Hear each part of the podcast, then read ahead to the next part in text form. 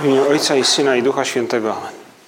Panie mój i Boże mój, wierzę mocno, że jesteś tu obecny, że mnie widzisz, że mnie słyszysz. Uwielbiam Cię z najgłębszą czcią. Proszę Cię o przebaczenie moich grzechów i o łaskę owocnego przeżycia tego czasu modlitwy. Matko moja niepokalana, święty Józefie, Ojcze i Panie mój, Aniele stróżu mój, wstawcie się za mną. Dzisiaj w Warszawie obchodzimy święto poświęcenia archikatedry i dlatego na mszy świętej słyszeliśmy czytania, Ewangelię, yy, która odnosiła się do, tej, do tego święta, które obchodzimy.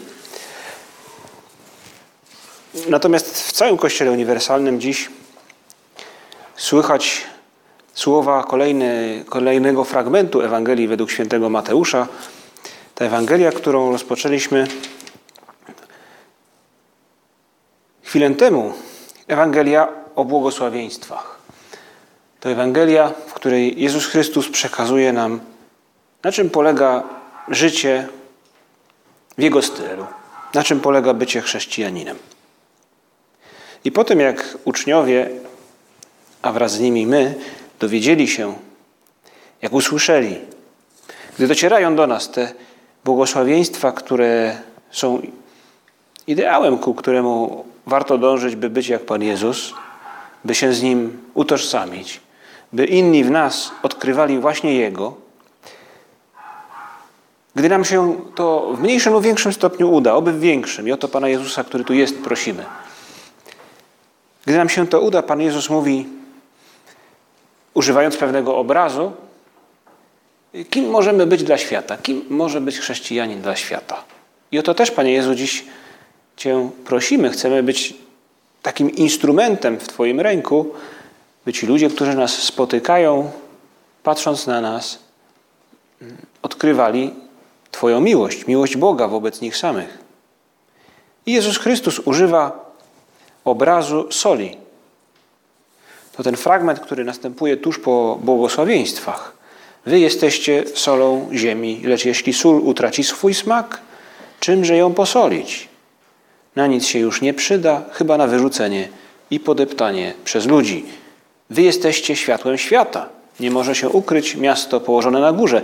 Nie zapala się też lampy i nie umieszcza pod korcem, ale na świeczniku, aby świeciła wszystkim, którzy są w domu. Panie Jezu, Ty mówisz o tym, że mamy być jak sól, która daje smak z jednej strony, ale z drugiej mówisz nam o pewnym ryzyku, czy może nie zagrożeniu, zagrożeniu też, ale, ale przede wszystkim o pewnym ryzyku. Soli, która stanie się miałka, która stanie się pozbawiona smaku. Starożytności ponoć używano soli w woreczkach. Gotowano sól w woreczkach, ponieważ była to sól, która zawierała dużo piasku i aby osiągnąć właśnie efekt kulinarny, a nie zanieczyścić potrawy, często stosowano woreczek, w którym był, była jakby sól, ta sól zmieszana lekko z piaskiem czy z jakimiś zanieczyszczeniami. W czasie gotowania sól się wygotowywała i zostawał w woreczku jedynie piasek.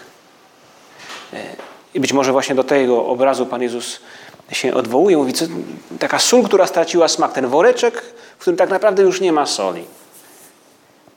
Do niczego się już tylko nie nadaje, tylko po prostu się go wyrzuca, bo już nie służy temu, po co został zrobiony czy zakupiony.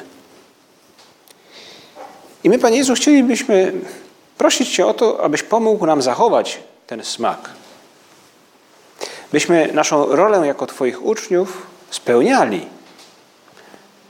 Bo z bycia blisko Ciebie, z bycia Twoimi świadkami płynie głęboka radość dla nas, a także dla tych osób, które Ciebie mają szansę odkryć.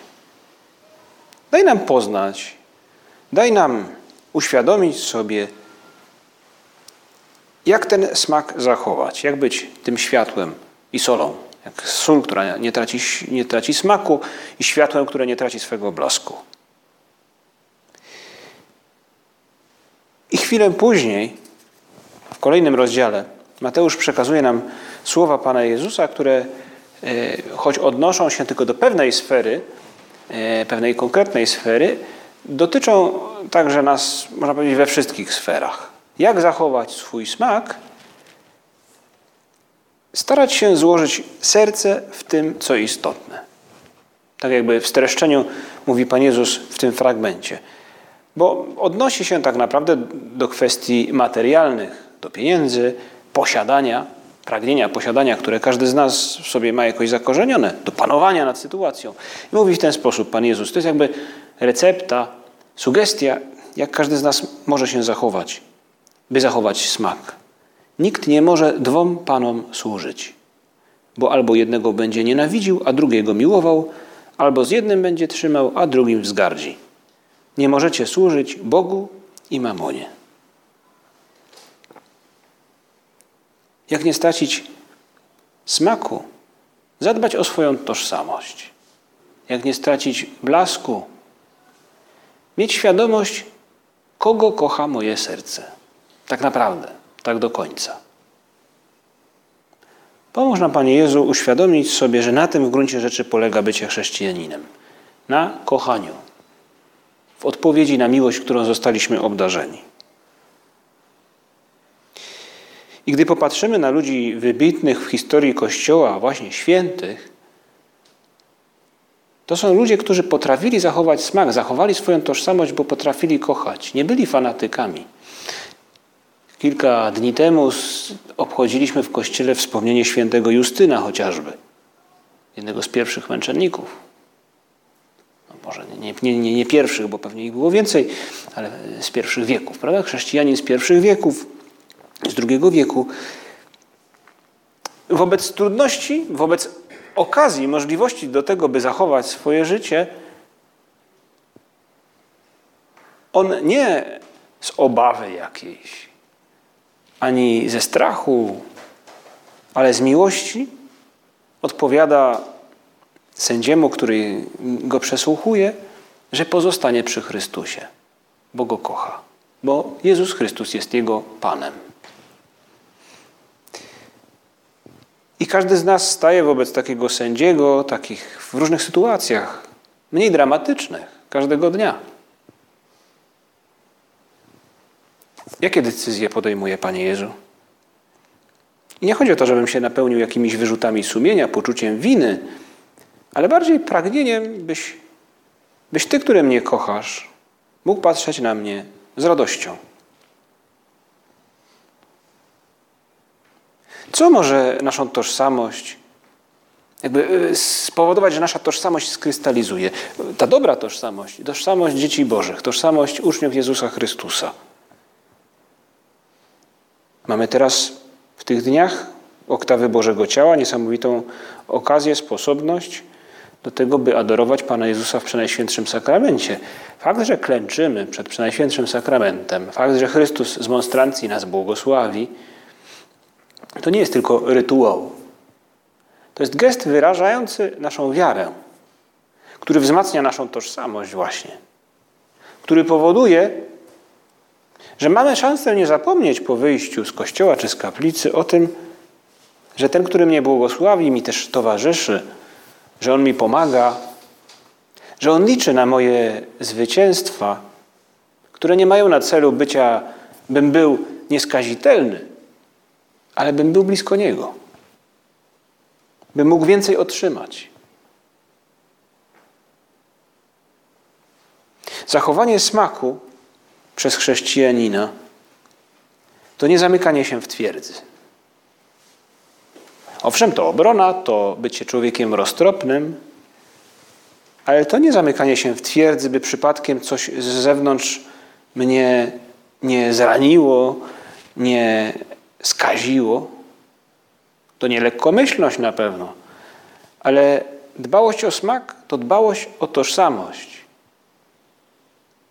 Ponoć Hiszpanie mówią w odniesieniu do ludzkiej miłości, mówią, że takie, taka przenośna, właśnie typowa dla Hiszpanów, mówią, że do gorącego garnka żadna mucha nie podleci. Jak ktoś kocha naprawdę, to głupoty do głowy mu nie przychodzą. No mniej więcej to w tych,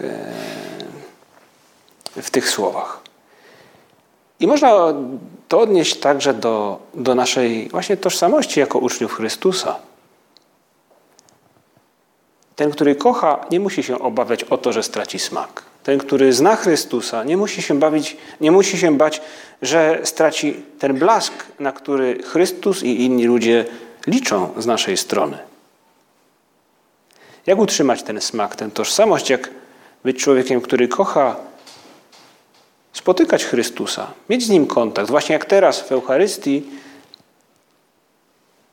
w spotkaniach z Nim, w naszej modlitwie, w osobistym dialogu. Bez tych pomocy, bez tych spotkań z Chrystusem, nasza tożsamość oparta będzie często o jakieś rytuały, które jeśli nie są związane z miłością, to są puste. Tożsamość uczniów w Ewangelii rodzi się z osobistego kontaktu, spotkania z Panem Jezusem, z rozmów, z próśb. Wytłumacz nam to, jak Ty to rozumiesz? Dlaczego? To długie rozmowy z Nikodemem, który, którego tożsamość jako ucznia Chrystusa buduje się stopniowo. On dopiero po śmierci Chrystusa jest tym, który nie boi się stanąć wobec Piłata i odebrać ciało Pana Jezusa. Tak w czwartym rozdziale świętego Jana, jego Ewangelii, widzimy historię Samarytanki, której rozmowa z Chrystusem pozwala odkryć, że ma do czynienia z Synem Bożym. I to, i to spotkanie, ta rozmowa buduje jej tożsamość. Powoduje, że ta kobieta już już nie traci smaku. Idzie i głosi prawdę o Bogu, który kocha wszystkim, których napotyka. Panie Jezu, pomóż nam spotkać się z Tobą, budować naszą tożsamość, nabierać smaku, ładować, jeśli tak to można powiedzieć, zasobnik światła, którym pragniemy być w sakramentach, gdy Ty ten smak i, i to, to światło wlewasz w naszą duszę, gdy się nim napełniamy. Gdy Cię odwiedzamy w Przenajświętszym Sakramencie, nie tylko gdy przyjmujemy Komunię Świętą, nie tylko gdy dostępujemy przebaczenia Twoich, naszych grzechów, w spotkaniu z Tobą w spowiedzi, ale także gdy Cię odwiedzamy, gdy mówimy Ci o tym, co dzieje się nam w duszy, gdy rozmawiamy z Tobą Twoimi, naszymi słowami,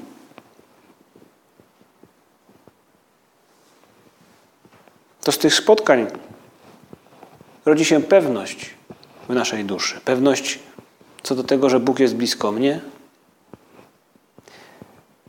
Pewność, że się mną opiekuje.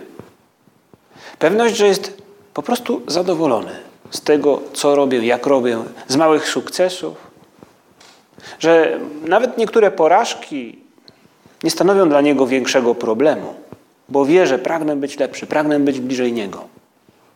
I to te drobne może nawet, ale jednak sukcesy zwycięstwa stawia na pierwszym miejscu. To jest to, co daje nam smak. To jest to, co powoduje też, że tego smaku nie tracimy. I o to na koniec prosimy naszą Matkę Maryję.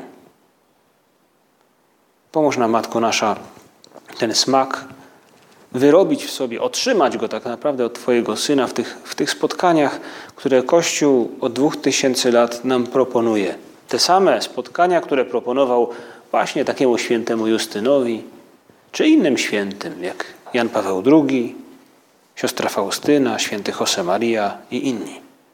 Oni wszyscy mieli w sobie ten taki original taste, taki właśnie smak smak chrześcijaństwa, smak i blask Jezusa Chrystusa, dzięki temu, że korzystali z sakramentów, z modlitwy i wchodzili w osobisty dialog z Bogiem. I o to prosimy Maryję, która nas zachęca do tego, byśmy w ten sposób wykorzystali te ostatnie tygodnie przed wakacjami. Nabierz smaku. Naładuj Twoje baterie, ten Twój zasobnik na światło. Po to, by w wakacje, by tego lata dawać smak tam, gdzie będziesz, by dawać blask w sytuacjach, gdy w Twoim otoczeniu inni go będą potrzebowali.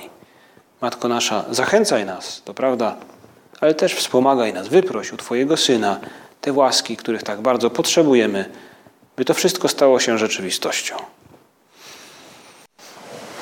Dzięki Ci składam, Boże mój, za dobre postanowienia, uczucia i natchnienia, którymi obdarzyłeś mnie podczas tych rozważań. Proszę Cię o pomoc w ich urzeczywistnieniu. Matko moja niepokalana, święty Józefie, Ojcze i Panie mój, Aniele stróżu mój, wstawcie się za mną.